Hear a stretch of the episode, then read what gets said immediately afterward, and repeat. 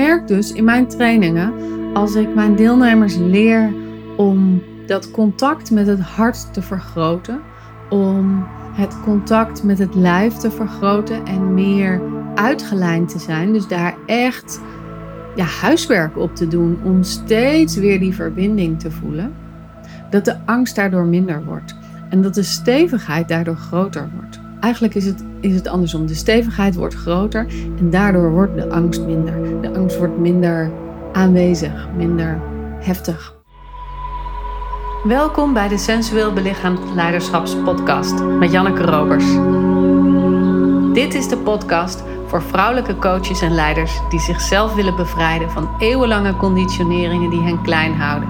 En de podcast die je ondersteunt in het ontwaken van je volle vrouwelijke potentieel. Welkom in mijn hoofd, hart en bekken.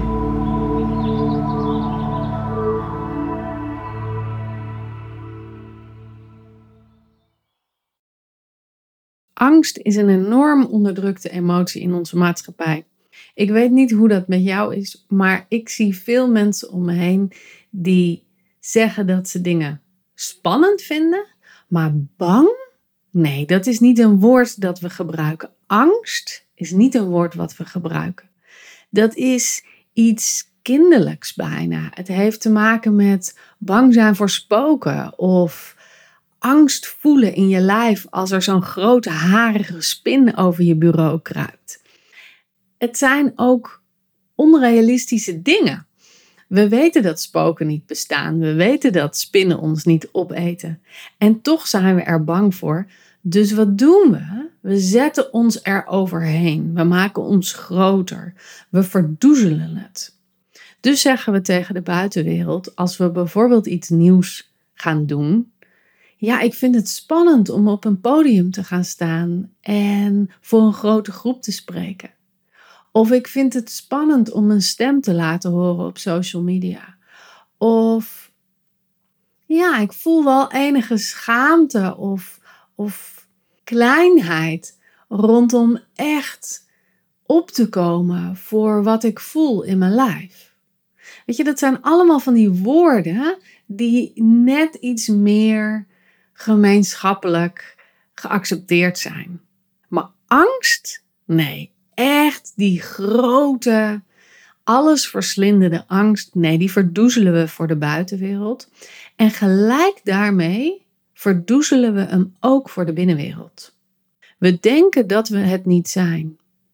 En mijn klanten zijn mensen die al veel persoonlijke ontwikkeling hebben gedaan, die veel naar binnen hebben gekeken, die veel hebben onderzocht wat er gaande is. Dus we hebben wel een gevoel van, oh, hier zitten nog pijnstukken.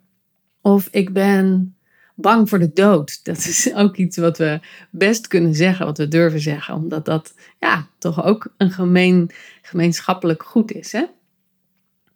Maar als we heel eerlijk zijn en als we echt naar binnen snijden, zijn er heel veel dingen waar we echt, echt bang voor zijn.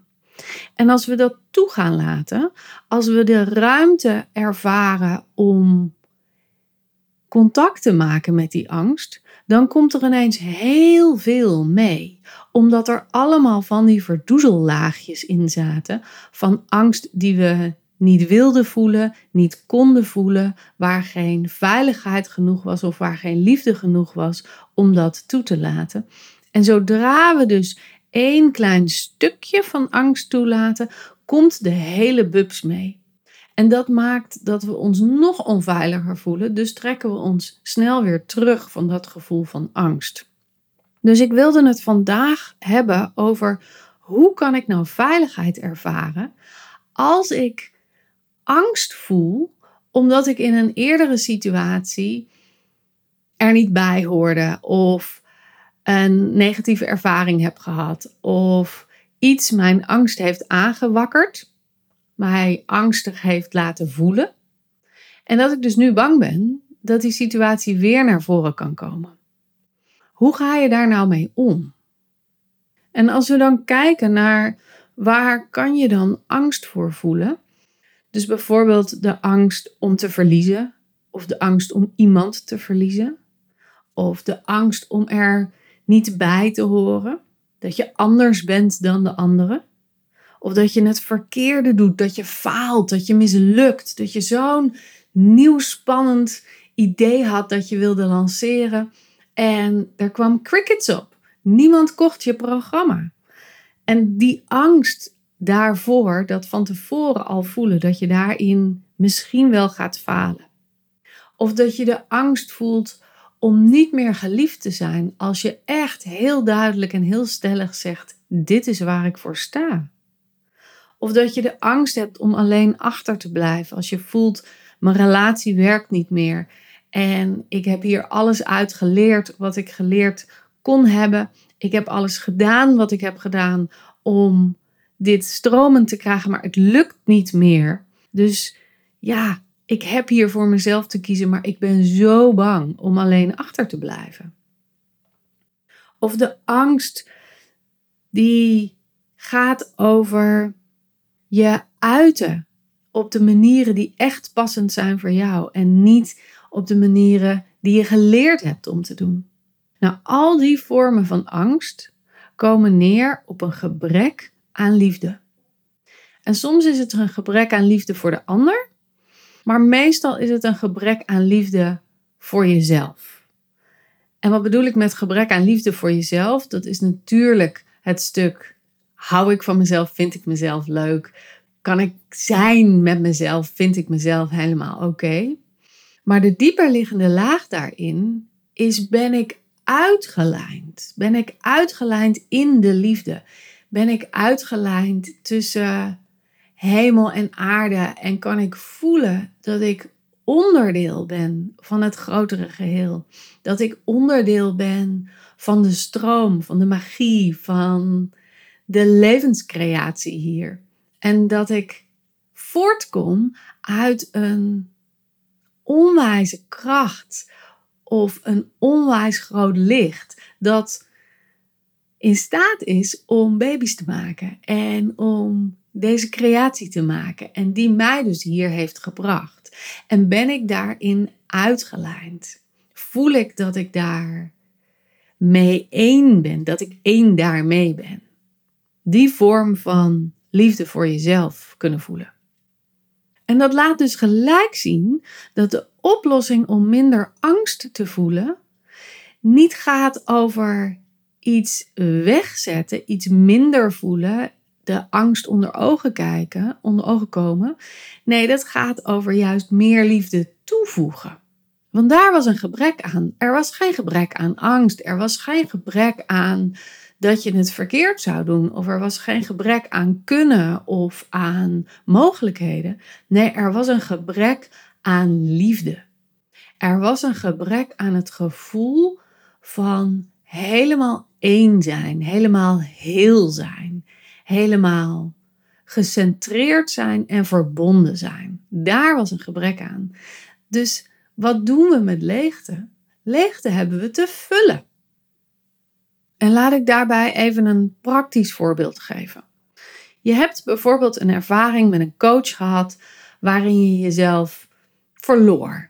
Dat je ging doen wat de coach zei, dat je haar tempo ging aanhouden, dat de begeleiding niet paste bij jou, dat je misschien iets ging doen waarvan die coach zei: Oh, dat is echt heel zinnig om te doen.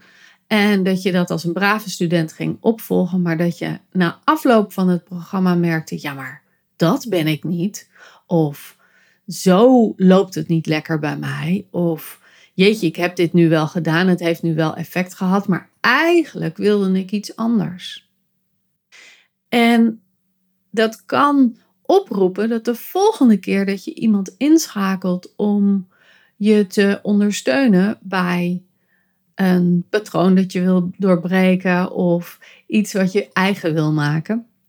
Dat die angst voordat je jezelf gaat verliezen, tussen aanhalingstekens, want we verliezen onszelf nooit, maar we, we hebben dat idee dat we verder wegkomen bij onszelf, dat komt dan weer terug.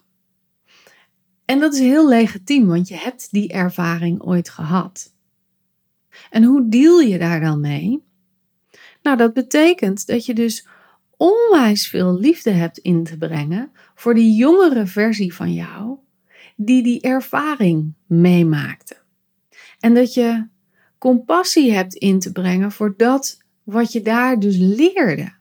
Dat je dus in de gaten kreeg: hé, hey, als ik mij op deze manier gedraag, als ik mij zo laat leiden door iemand, als ik me helemaal focus op dat de oplossing van de ander komt, dan mis ik dus de uitgelijnde stroom met mijn eigen wijsheid.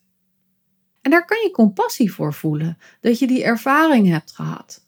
Omdat je nu weet, oh, het voelt dus zo en zo als ik uit mezelf ga. Tussen aanhalingstekens allemaal, hè? Want, want we gaan natuurlijk niet uit onszelf. Maar de energie ligt misschien bij de ander.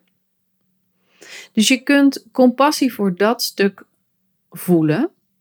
Dat is het eerste. En het tweede stuk is dat je veel meer liefde mag voelen voor jouw eigenheid. Dus voor een tweede keer dat je bij een coach of een begeleider instapt of een programma gaat doen, dat je jezelf openhoudt voor de wijsheid die je wil opdoen, of de nieuwe kennis die je wil opdoen, of de nieuwe beweging die je wil leren. Een, een begeleider heeft iets wat jij graag zou willen hebben of leren of kunnen. Dus daar stel je je open voor. En tegelijkertijd geef je jezelf ook liefde voor de eigenheid die je hebt.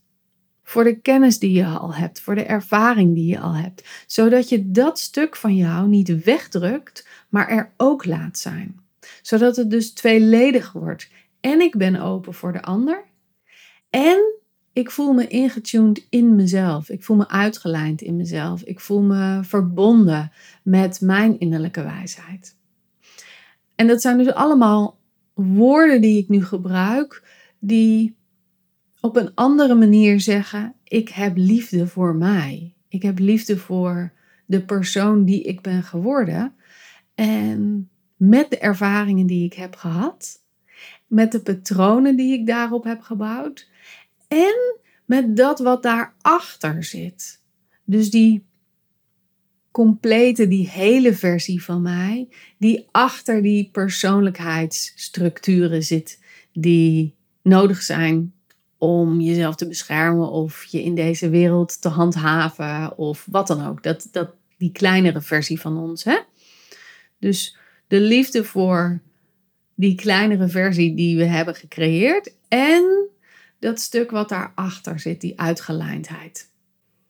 En ik merk dus in mijn trainingen, als ik mijn deelnemers leer om dat contact met het hart te vergroten, om het contact met het lijf te vergroten en meer uitgelijnd te zijn, dus daar echt ja, huiswerk op te doen om steeds weer die verbinding te voelen, dat de angst daardoor minder wordt en dat de stevigheid daardoor groter wordt. Eigenlijk is het, is het andersom. De stevigheid wordt groter en daardoor wordt de angst minder. De angst wordt minder aanwezig, minder heftig. Het verdwijnt eigenlijk omdat de liefde gewoon groter wordt. Nou, een ander voorbeeld zou kunnen zijn dat je een slechte ervaring hebt gehad in een groepsprogramma. Bijvoorbeeld dat er werd geroddeld of dat er kleine groepjes werden gevormd binnen de grote groep. Of dat jij tussen aanhalingstekens gek was of raar was. Of dat je niet deed zoals de andere deed. En dat je daardoor buiten de groep viel. Dat raakt. Dat raakt aan hele oude kindspijnen. Dus het is logisch dat je dan bang wordt als je in een volgende, volgende groep stapt, dat je dat weer gaat ervaren. En dus roepen we al onze beschermingsmechanismen op om dat te voorkomen. En grappig genoeg, of pijnlijk genoeg, het is maar hoe je het bekijkt, zijn die beschermingsmechanismen vaak de reden dat we er weer uit liggen. En wat bedoel ik daarmee? Nou, we willen dus niet die pijn voelen van uitgesloten zijn. Dus we verharden. We laten geen mensen meer toe omdat we die pijn niet willen voelen. Of we gaan gelijk in de aanval. We gaan gelijk keihard erin en we gaan zorgen dat wij de leukste zijn van de groep en dat iedereen ons fantastisch vindt en dat wij het centrale punt worden. Dus je gaat je heel hard uitspreken, of je gaat je steeds inmengen, of je gaat steeds vragen stellen, de beste klant zijn, de beste deelnemer zijn. En ook dat zorgt er op een bepaalde manier voor dat mensen niet de werkelijke jou kunnen ontmoeten. Of je gaat je heel erg gedragen zoals de regels tussen aanhalingstekens van de groep zijn. Dus je gaat heel erg scannen van hoe kleden we ons allemaal? Hoe praten we? Waarover kan ik me kwetsbaar voelen en waarover moet ik me sterk voelen? Hoe gaan de oefeningen? Hoe zijn de antwoorden? En dat je jezelf daarop gaat aanpassen. En ook dat zorgt er weer voor dat er een klein laagje om jou heen gecreëerd wordt, waardoor de daadwerkelijke jij niet meer ontmoet kan worden. En dus is het een herhaling van zetten, alleen misschien op een net iets andere manier. Jij wordt niet meer gezien. De echte jij wordt niet meer ontmoet. En daardoor ontmoet jij ook niet meer de anderen van de groep. En ook hier is de oplossing, of de oplossing, dat klinkt ook zo, ja, resultaatgericht. Maar wat ik voor je wil is dat je kan voelen: hé, hey, ik heb die ervaring gehad en het kan nu anders zijn. En dan is de, de suggestie om die kleine ik in jou, die zo geraakt was de vorige keer, om die lief te hebben. Dus de kleine, de jonge versie van jou, die zich buitengesloten voelde, of die zich afgesloten voelde, of die afgewezen was, of nou ja, al die vormen van die je kan hebben in een groep. Die komen natuurlijk voort uit hele oude, diepere pijn die veel verder terug ligt. Dus wat je dan kan doen, is gaan opzoeken van hé, hey, waar herken ik deze pijn van? Waar kwam dit ooit voor? En kan ik die kleine versie van mij, die hele jonge versie van mij, misschien was ze drie, misschien was ze vier, misschien was ze nog maar een baby, kan ik die koesteren en kan ik die in mijn hart houden? En kan ik daar een gesprek mee aangaan? In de zin van, wat had de kleine en dan nou, neem ik mezelf even als voorbeeld, omdat het handig is om even te spreken over iemand. Wat had de kleine Janneke destijds nodig om zich geliefd te voelen? Nou, en als ik dat dan zo zeg, dan kan ik voelen: oh, ik had meer ruimte nodig. En ik had meer zachtheid nodig. Meer, wat was, wat was er belangrijk voor jou? Dat had ik nodig gehad. Ah. En als ik dat dan zo laat opkomen in mezelf en dan even bedenk dat ik in een nieuwe groep zou stappen, waarin misschien een angst van afwijzing zou kunnen voorkomen, dat ik dan in zo'n nieuwe groep mezelf de ruimte geef om mijn tempo te volgen. Om mijn zachtheid in te brengen om mijn patronen in te brengen en ook echt daarvoor op te komen. Dus te zeggen, ik heb het nodig dat ik gezien word in mijn eigen tempo, dat ik gezien word in mijn rust, dat er gekeken wordt naar mij in plaats van dat we volgen wat de groepsbegeleider zegt om te doen, bijvoorbeeld. Hè? Voor jou is dat waarschijnlijk iets anders. Voor jou is het net een variatie daarop. En heeft er iets anders liefde nodig? Of heeft er iets anders de ruimte of de aandacht nodig? En dat dan kunnen inbrengen is zo belangrijk. Omdat je daarmee ten eerste jezelf permissie geeft om dat te kunnen voelen. En ten tweede geef je het ook de aandacht die het verdient. Je komt dus op voor dat wat belangrijk is voor jou. En in die twee dingen breng je jezelf meer in en geef je jezelf meer veiligheid. En natuurlijk weet je niet of het gehoord wordt of er reactie opgegeven wordt. Misschien willen mensen helemaal niet naar je luisteren. Maar je neemt wel de leiding in dit inbrengen. En je geeft daarmee dus een mogelijkheid voor jezelf dat het anders zou kunnen zijn. Ja, en dan heb je de, de spannende situatie te nemen dat je niet weet wat er komt. En dat weet je nooit. Dat weet je ook niet als je je voordeur uitstapt. Dat weet je ook niet als je een nieuwe klant in je stoel tegenkomt. Dat weet je ook niet als je voor het eerst je dochter naar school brengt en haar achterlaat op school. Of je weet het ook niet als je voor het eerst een nieuwe relatie aangaat met iemand. Je weet het nooit wat er gaat gebeuren. Dus dat is een gegeven in deze wereld. Maar wat jij doet en wat jij inbrengt, daar heb je wel tussen aanhalingstekens controle over.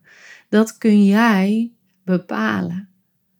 Nou, ik vind het altijd fijn om af te sluiten met iets super praktisch, want dan kun je daar ook mee oefenen. Dus hoe doe je dat nou? Hoe breng je nou meer veiligheid in? Hoe zorg je nou dat je meer liefde inbrengt in situaties die je zelf spannend vindt of angstig vindt of waar oude ervaringen weer opkomen? Nou, ik vind een fantastische oefening altijd de hartsademhaling. Hij staat ook op mijn website onder verdieping en de video's. Hoe je in 60 seconden weer bij je hart komt, geloof ik dat hij heet. En je ademt door je hart in en uit met je hand op je hart. En die hand op je hart, die zorgt ervoor dat er een, veiligheid is, een afscherming is, een, niet een afsluiting, maar een veilige deur die jij bepaalt in hoeverre die open en dicht gaat. En gewoon ademen in dat hartsgebied zorgt er al voor dat er meer liefde ontstaat. Nou, iets heel praktisch is dat je bijvoorbeeld een een poppetje of een steen of een hartje in je zak kan houden, waarbij je het gevoel hebt dat dat staat voor jouw jongere versie of diegene die iets heeft meegemaakt waar je nu bang voor bent in de toekomst. En dat je die af en toe gewoon in je hand houdt en daar wat liefde naartoe stuurt. Dat is een hele tastbare vorm knuffels. Jezelf knuffels geven, knuffels vragen. Die echte fysieke aanraking om in de fysieke omgeving van je lijf weer te komen. Dat, dat, dat je je huid kan voelen. Dat je de, de druk op je huid kan voelen. Dat helpt fysiologisch gezien heel erg om veiligheid te creëren. Als je in staat bent om die liefde in je hart op te roepen, kun je haar dan ook door je ogen laten stromen en met een liefdevolle blik naar de buitenwereld kijken. Dat verandert namelijk hoe je de buitenwereld ervaart. Of je die angstiger ervaart of minder angstiger ervaart. Nou, je kunt ook daadwerkelijk dat gesprek met je hart aangaan. Door een kussentje neer te leggen dat staat voor je hart en een kussentje neer te leggen dat staat voor je jongere versie of je oudere versie of iets anders. En dat je steeds wisselt van kussentje en gewoon in dat hart gaat zitten en dat hart gaat laten praten. Wat heeft ze nodig? Wat, wat moet er gezegd worden? Wat is er nog niet genoeg doorvoeld? Wat kun je haar bieden? Nou, echt dat gesprek aangaan op deze manier helpt heel erg om er meer contact mee te laten maken. Nou, dat zijn allerlei verschillende vormen van veiligheid bieden aan jouw eigen lijf, aan jouw eigen ziel, aan jouw eigen essentie. Om meer liefde te voelen en door de uitgelijndheid in dat liefdestuk minder ruimte te hebben om angst te voelen. En dan bedoel ik niet de angst weg te drukken, maar gewoon dat er minder ruimte is voor angst. Het is altijd een soort van 100%. En als de liefde 80% is, is er maar 20% ruimte voor angst. Zo simpel is het. Ik hoop dat deze aflevering je ontzettend veel inzicht heeft gegeven. En zo niet, ga dan eens invoelen bij jou waar je stiekem nog angst op hebt zitten. En luister de aflevering dan nog eens een keer. En kijk eens of er dan wel iets opkomt waarvan je denkt: Oh, misschien had die Janneke toch gelijk. nou, zoals altijd vind ik het super leuk om van je te horen. Welke van deze praktische oefeningen helpen je? Welk inzicht heb je gekregen in de rest van de podcast? Deel het met me op Instagram of op LinkedIn of stuur me een e-mailtje. Dat mag ook altijd. Vind ik super leuk. En vind je deze podcast waardevol, dan zou het mij ontzettend helpen als je die deelt met mensen in je netwerk, bijvoorbeeld op social media. En dat je mensen aanraadt om ook naar deze podcast te luisteren. Super leuk! Ik dank je wel voor deze uh, aandacht die je had voor deze aflevering. En ik hoop dat je er bij de volgende aflevering weer bij bent. Tot snel. Doei doei.